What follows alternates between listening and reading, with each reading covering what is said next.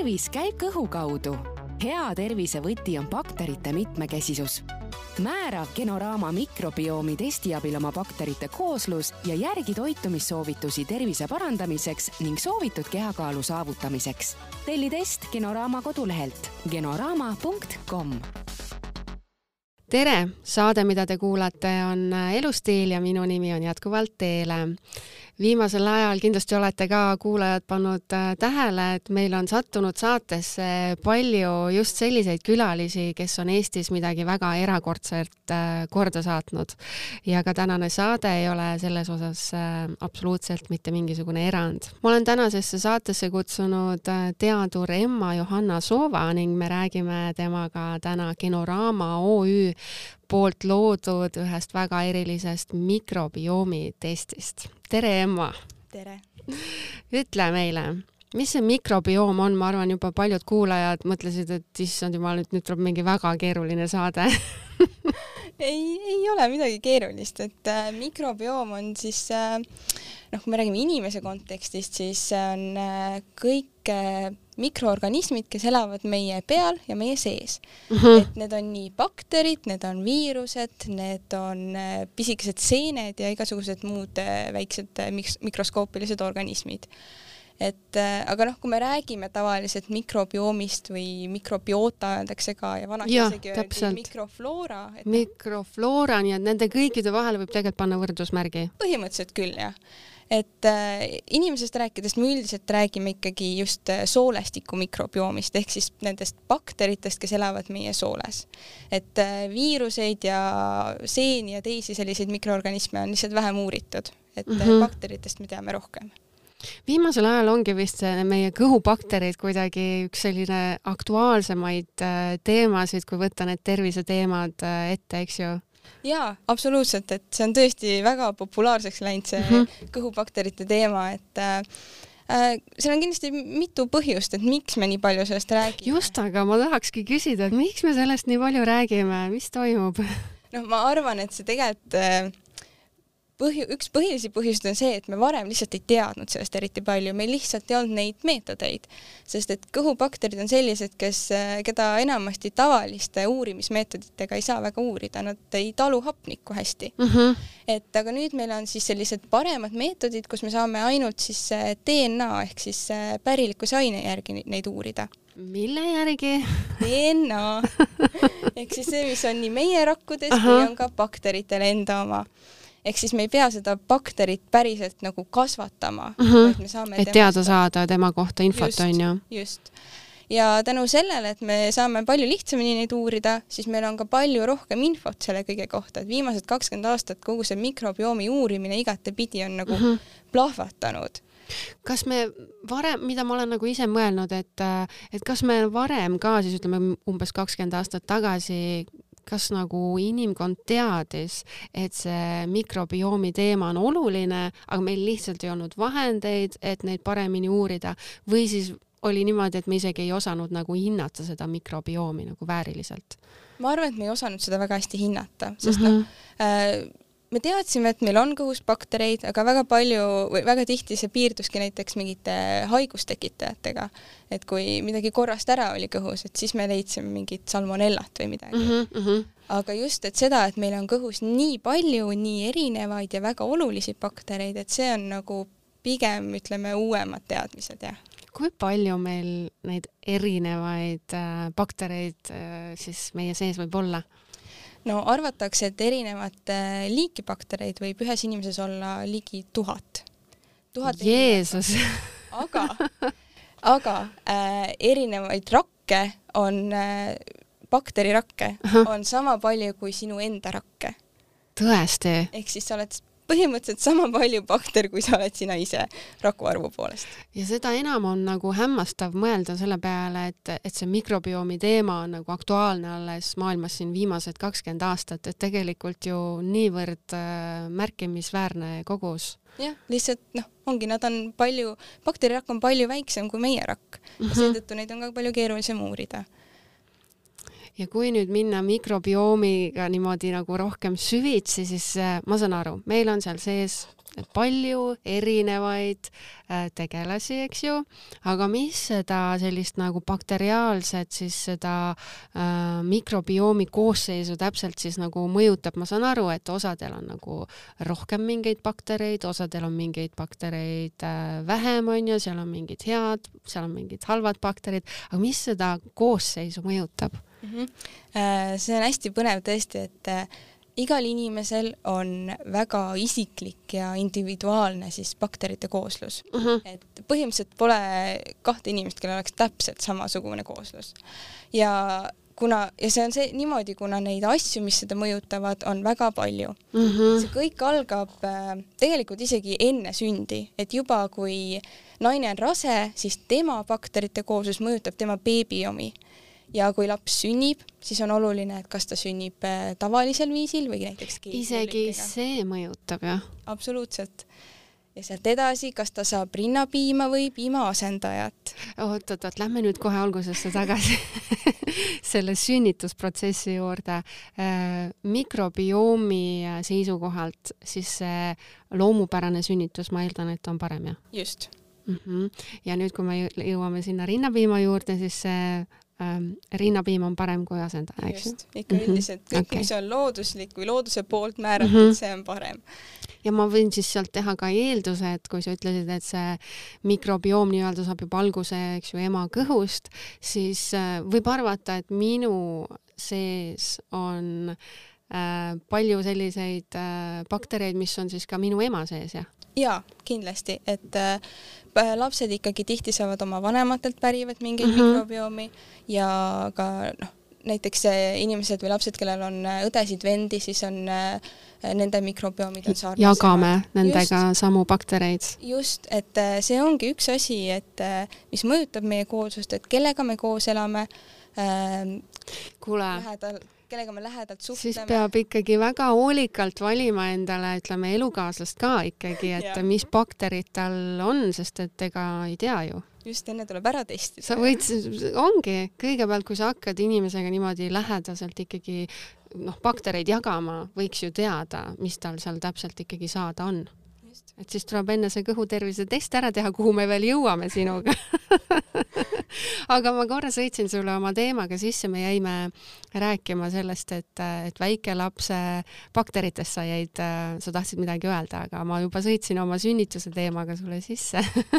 Äh, jah, et äh, väikelapsel siis äh, rinnapiim, rinnapiimast siis beebid saavad need head bakterid mm, -hmm. piimhappebakterid, mis siis aitavad tal nii-öelda areneda, eriti kõhul areneda, äh, soolestikul ja ka immuunsüsteemil, et sellepärast see on hästi oluline.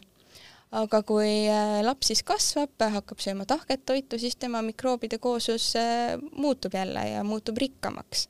et ja kui ta saab kuskil kolmeaastaseks, et siis on see enam-vähem sarnane nagu täiskasvanul et noh, muidugi mm -hmm. seal veel edasi arenedes teismeeas ikka on muutusi, aga no, koguseliselt, eks ju, see ei ole nagu võrreldav täiskasvanu omaga, aga liigirikkuse poolest siis on ju? Äh, enam-vähem küll jah mm, -hmm. niimoodi.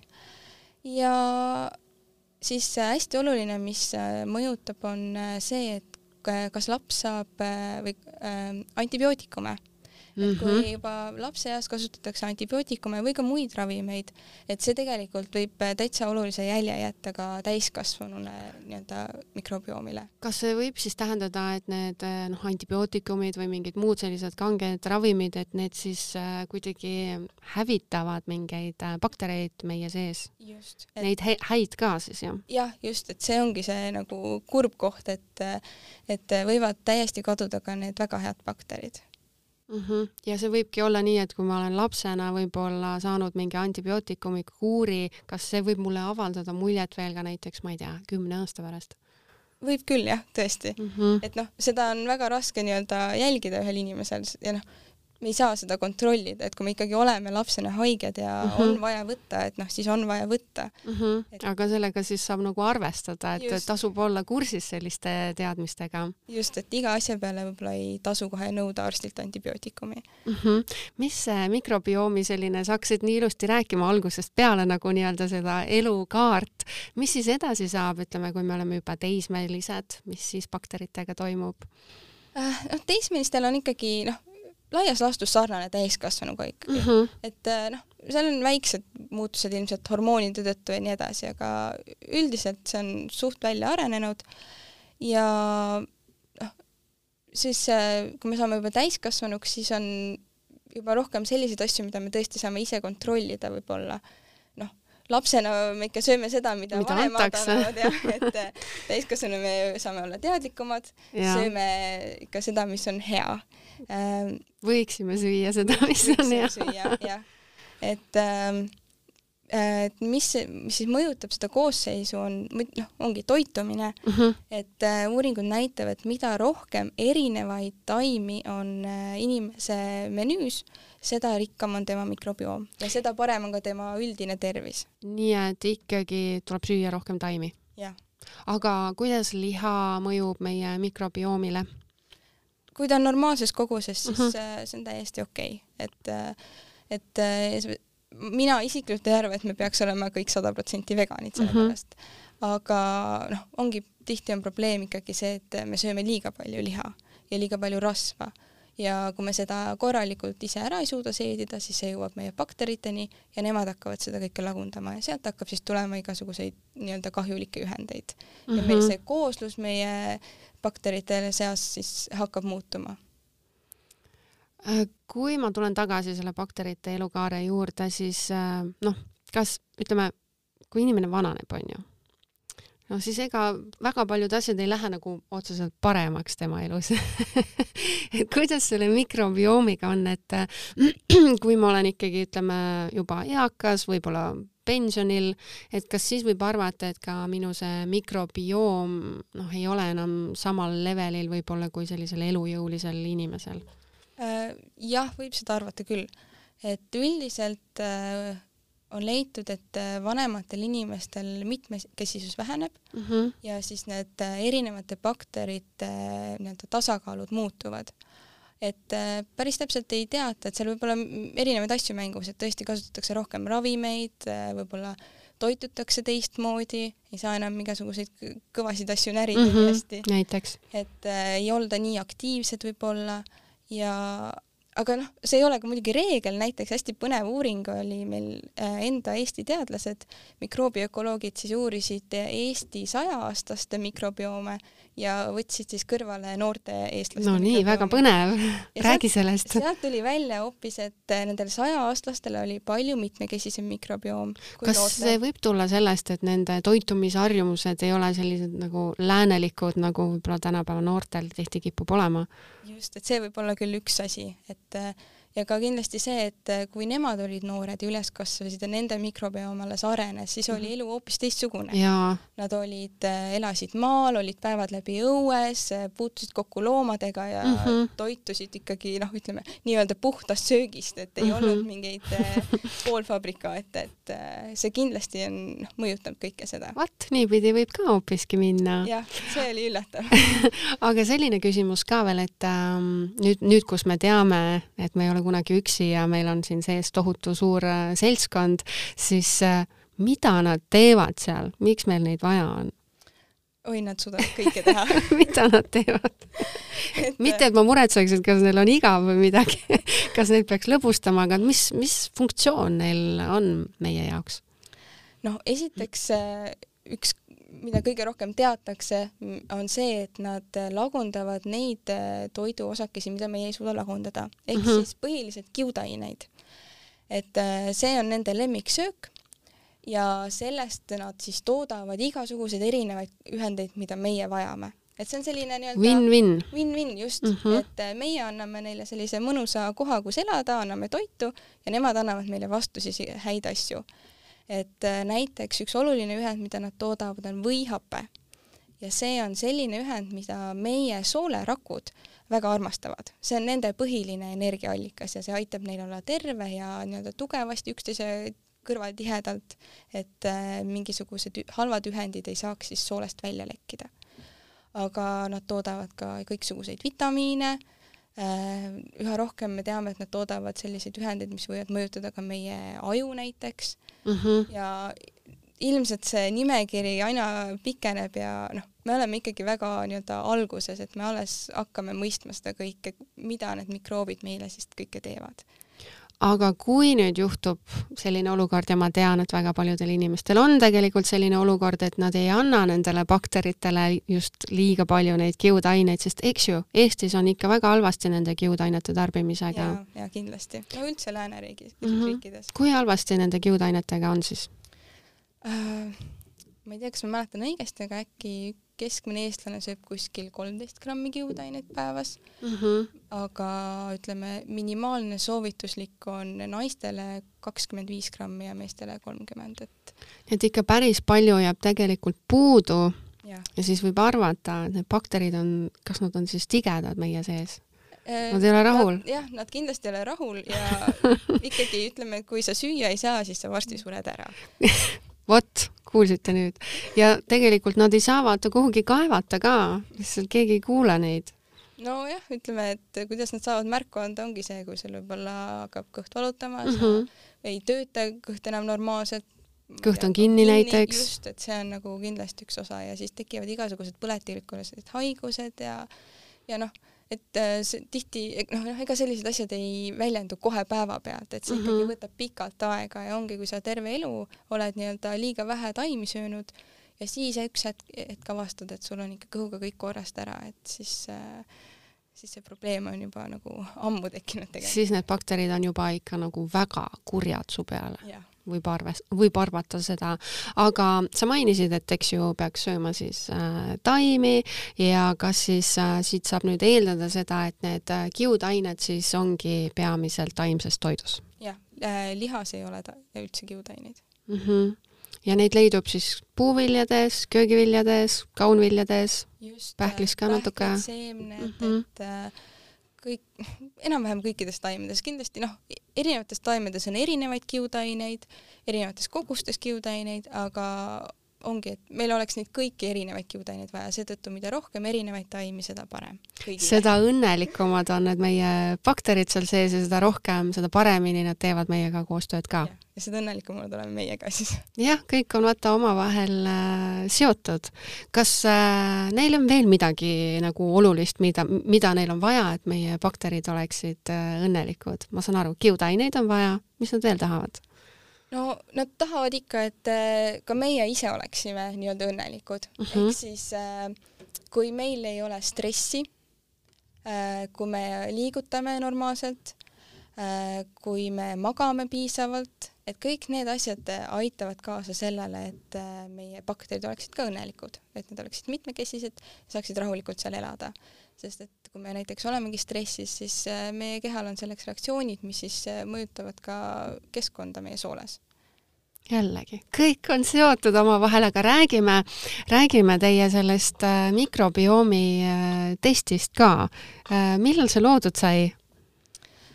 kas ma arvan, et see oli aasta kaks tuhat kaheksateist lõpp või kaks tuhat üheksateist algus uh, -huh. et mind ise ei olnud selle loomise kõrval päris, aga et jah, paar aastat siis umbes oleme sellega tegelenud. kuidas seda testi teha saab? oi, see on üks äh, väga põnev protsess ma aiman seda protsessi tegelikult jah, et kuna need bakterid elavad meil äh, kõhus, siis äh, -huh. kõige lihtsam seda proovi saada on ikkagi väljaheitest. Mhm. -huh. ja selleks siis meil on selline mm, komplekt, kus on vajalik, kõik vajalik olemas, seal on kummikindad olemas muidugi mhm. -huh. ja siis selle proovi kogumiseks spetsiaalne topsik ja siis ta saadab, klient saadab selle meile ja meie eraldame siis sealt nende bakterite selle DNA ja nii-öelda määrame ära, et äh, millised DNA-d seal on täpselt, millised koodid ja siis äh, võrdleme andmebaasiga mm. -hmm. andmebaas ütleb siis meile täpselt, et näed, siin oli selle, selle, selle bakteri DNA kood ja see tähendab, et siis sinu kõhus elavadki need bakterid. no mulle on see hea info, et ma seda teada sain, sellepärast et äh, Äh, ma ei taha teha mingeid valulikke teste väga vabatahtlikult, et see test äh, mulle tundub pigem selline lihtne ja, ja kiire. ja see on oluline minu jaoks, et see haiget ei teeks, et ei oleks valulik jumala eest.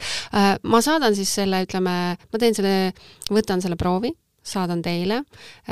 kui kiiresti siis need tulemused tulevad? ütleme maksimum kahekümne tööpäevaga, ehk siis noh, päris kiiresti. jah, et mm -hmm. võib ka palju kiiremini, et see mm -hmm. nagu noh, sõltub, kui palju teis, neid proove meil korraga on parasjagu, et äh, kui on juba piisav ports käes, siis me mm -hmm. saame neid analüüsima hakata mm. -hmm. ja nüüd, kus te olete põhimõtteliselt aastast kaks tuhat kaheksateist neid teste teinud, ma arvan, et äh, teil on nagu hästi selline äh, kuldaväärt info kokku jooksnud, et te saate juba teha mingisuguseid järeldusi, et äh, mis olukorras on äh, eestlaste mikrobioom, et mis need kõige, mis, mis seal on kõige paremini meil ja mis, mis on kõige halvemini? noh, ütleme nii, et äh, eestlased on selline keskmine mikrobioom, vähemalt no see on hea kuulda, see on hea kuulda et keskmine et äh, kuna meil ei ole ainult eestlased, kes annavad mm -hmm. teste, vaid on ka teised eurooplased ja isegi vahel kaugemalt, et siis äh, ma ei ütleks, et siin eestlased kuidagi väga silma paistaksid nii heas või halvas, et äh, et aga ütleme siis statistikat ma nüüd täpselt ei ole teinud, et mis bakterit eestlastel kõige rohkem midagi oleks. nagu väga hullust ei ole, et ei. see on see peamine jah, et noh, ütleme selline keskmine lääne inimese mikrobioom mm. -hmm. aga eestlaste mikrobiomi tegelikult uurivad eh, geenivaramusteadlased küll, et eh, ja noh, ka nende andmed ütlevad, et eestlastel on selline tavaline lääne inimese mikrobioom mm. -hmm. aga üldiselt, eks ju, noh, võibki arvata, ma nüüd teen eelduse siin kõige selle põhjal, mis me siiamaani oleme rääkinud, et kas on nii, et ikkagi noh, nagu igal riigil on mingisugune oma selline bakteriaalne mikrobioom, et näiteks noh, ma ei tea, Portugali inimesel võib arvata, et see seis on natukene teistsugune võib-olla kui tüüpilisel eestlasel. nojah, seda ma usun küll, et kui me vaataks portugallast ja mm -hmm. eestlast, siis see on erinev, aga mm -hmm. noh, ütleme eestlasel ja soomlasel või eestlasel ja lätlasel ilmselt Pole... ei ole erilist vahet mm. -hmm. et ikkagi noh, Portugalis nad kindlasti söövad äh, natuke teisiti, kui meie sööme mm. -hmm. kas see kliima ka kuidagi mõjutab mikrobiomi? Täiesti võimalik, ma ei ole ausalt öeldes selle kohta uurinud, aga ma ei imestaks. selles mm -hmm. mõttes, et äh, on küll äh, teadusartiklid, mis näitavad, et see, et millises maailma piirkonnas sa oled sündinud mm -hmm. ja elad, et äh, see noh, mõjutab su mikrobiomi, et mm -hmm. siis on erinevad mikrobiomid. aga noh, seal tõesti kindlasti loevad ka see, et erinevad, erinevad, erinevates paikades on dieedid erinevad, süüakse erinevaid asju, et jah, see toit juba, mingi tooraine on erinev. Mm -hmm. kui ma olen selle testi ära teinud, teile saatnud, teie olete sealt need tulemused välja võtnud, kuidas ma selle tulemuse siis endale saan, kas see tuleb postiga või see tuleb emailiga? Äh, me saadame jah meilile siis äh, PDF formaadis selle vastuse, et see on selline ilus värviline raport mm. -hmm. kas seda on, kas selleks peab olema mingi doktor, et, et neid tulemusi seal lugeda või kuidas see käib? ei, ikkagi me oleme üritanud nii, et nagu igaüks aru saaks. ei pea olema tuttavat arsti näiteks? ei, kindlasti mitte, aga noh, alati, kui tekib küsimusi, siis võib mulle kirjutada tagasi vastu, et mm -hmm. ja, ja ma väga hea meelega kas uurin rohkem, kui on mingi spetsiifiline küsimus või siis seletan lahti ja mida sealt tulemustest siis äh, saab äh, peamiselt välja lugeda, et kas seal on lihtsalt nimekiri bakteritest või seal on juba tehtud ka mingeid, ma ei tea, toitumissoovitusi? Äh, jah, meie test hetkel vähemalt on rohkem keskendunud siis toitumisele ja võib-olla elustiilile et äh, me anname seal siis bakterite arvukuste järgi hinnangu, et äh, et kui suur risk sul on näiteks ülekaalulisusele või äh, seda saab ka teada selle testi kaudu? jaa, seda, et millised on äh, nii-öelda ülekaaluliste inimeste mikrobiomid ja normaalkaalus inimeste mikrobiomid, seda on väga palju uuritud. Need on siis ka erinevad, jah? jah, noh, eks see ole kindlasti seotud ka toitumise erinevustega et äh, seda me siis äh, anname hinnangu. nii et põhimõtteliselt äh, ilma, et te oleksite inimest näinud tegelikult, eks ju, te, teie saate juba teada, et kas ta näiteks võib juba praegu olla ülekaaluline? ja kas tal võib olla kalduvus ülekaalulisusele? põhimõtteliselt küll. Vau. muidugi ei saa kunagi öelda seda sada protsenti ja me ei saa kuidagi öelda mm, -hmm. et sina lähed kindlasti paksuks nüüd kohe et aga noh, see võib nagu võib-olla mõnele on hea teada, et absoluutselt, see on igale ühele hea teada, ma ütleksin niimoodi mis sealt veel saab välja lugeda? Äh, näiteks me anname ka hinnangu, et kui suur põletikuoht sul on mm. -hmm. et see, et soolestikus on põletik, on noh, väga-väga palju seotud erinevate nii soolestikuhaigustega kui ka igasuguste muude haigustega äh,. Siis näiteks, et kui palju on sul kiudaineid lagundavaid baktereid.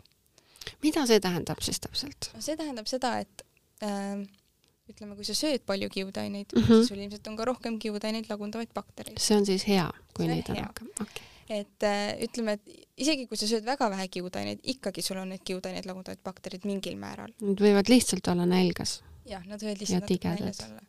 Ja noh, eks paljud bakterid ikkagi nagu ei söö ainult ühte asja, vaid nad mm -hmm. saavad ka natuke muude asjadega hakkama. näiteks millega? no mõned bakterid näiteks söövad meie soolepinda katvat lima või noh, seal on ka väiksed suhkrud sees, et Mhm. näiteks seda söövad. kas nad hakkavad seda sööma siis, kui nad ei saa piisavalt kiudaineid, näiteks? ja see võib olla üks asi, aga mõned noh, mõned elavadki seal ja see võib ka väga kasulik olla. Näiteks me toome ka välja ühe bakteri, kelle nimi on Akkermansia mutsinifiila. nimi ütleb juba, väga nunnu. Nimi mutsinifiila tähendab, et ta armastab mutsiinkihti ehk seda lima, limakihti. Oh, ja et kui seda bakterit on nagu piisavalt palju, siis see näitab, et sul see limakihti on ka piisavalt palju ja see on heas seisus ja et põletikku ilmselt on siis vähem.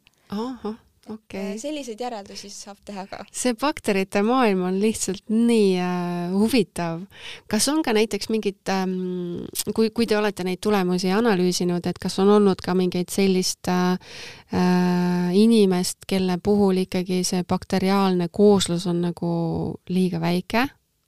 ikka selliseid, noh, mitmekesisuse hinnangu me Mhm. toome mm -hmm. ka välja ja ikka on inimesi, kellel see on väga madal. Mm -hmm. et äh, siis seal on kohe soovitused, et sööge rohkem kiudaineid. teadagi mida aga kas on veel mingeid variante äh, või mingeid võimalusi, kuidas oma kõhubaktereid õnnelikuna hoida? et kindlasti kõige lihtsam ja kõige raskem on ikkagi oma elustiili muuta mm. -hmm. noh, okei okay,, toitumine, aga tõesti ka liikumine, magamine, stressi vähendamine ja nii edasi ähm,.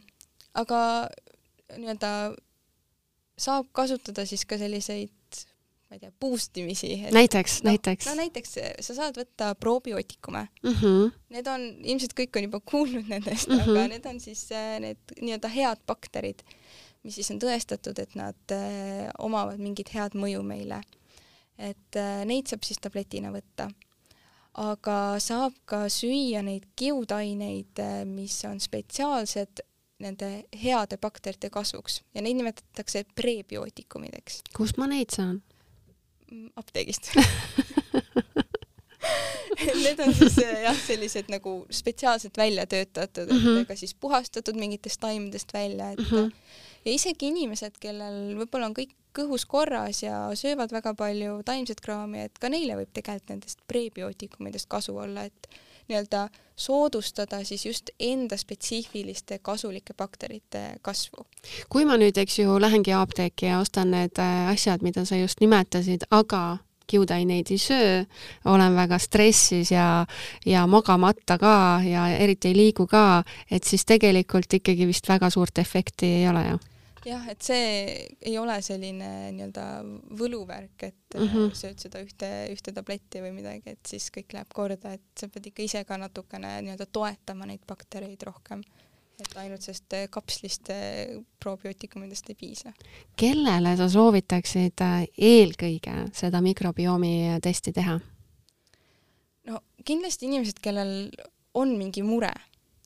või keegi või, või kui nad ei ole millegiga rahul näiteks, jah? jah, just, et äh, eriti noh, kui sul on ikkagi mingid kõhuprobleemid või midagi, et siis kindlasti see võib anda mingisugust infot, et mis siis, et seal võib mingi probleem olla. jah, et sa ei näe ju enda sisse tegelikult, et siis on hea, kui on selline test olemas. just, aga samas ka inimesed, kes on täiesti terved, et ma ise just mõtlesin, et väga tore oleks teada, kui ma olen terve, et milline see seisund on ja kui ma peaks haigeks jääma, et siis ma nagu teaksin, kuhu ma peaks tagasi üritama pürgida mm. -hmm, täpselt et äh, selles mõttes põhimõtteliselt, kui vähegi inimesel huvi on, siis see on juba, ma arvan, võib proovida. see on eelkõige tegelikult ju huvi iseenda vastu, on ju, et enda nii-öelda see, ennast seespidiselt äh, tundma õppida. kas sa soovitaksid seda ka inimestele, ütleme, kes on kaaluga natukene hädas? Äh, jaa, äh, see võib absoluutselt aidata, et mm -hmm.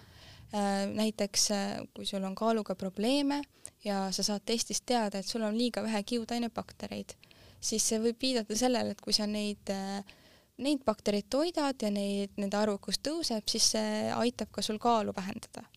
et äh, üldiselt on ka need asjad omavahel korrelatsioonis. ma kuskilt lugesin seda, ma ei tea, kas see vastab tõele, aga et, et tõesti, et see mikrobiomi nagu kooslus võib suuta isegi mõjutada meie isusid, et mida me tahame süüa ja mida me näiteks ei taha.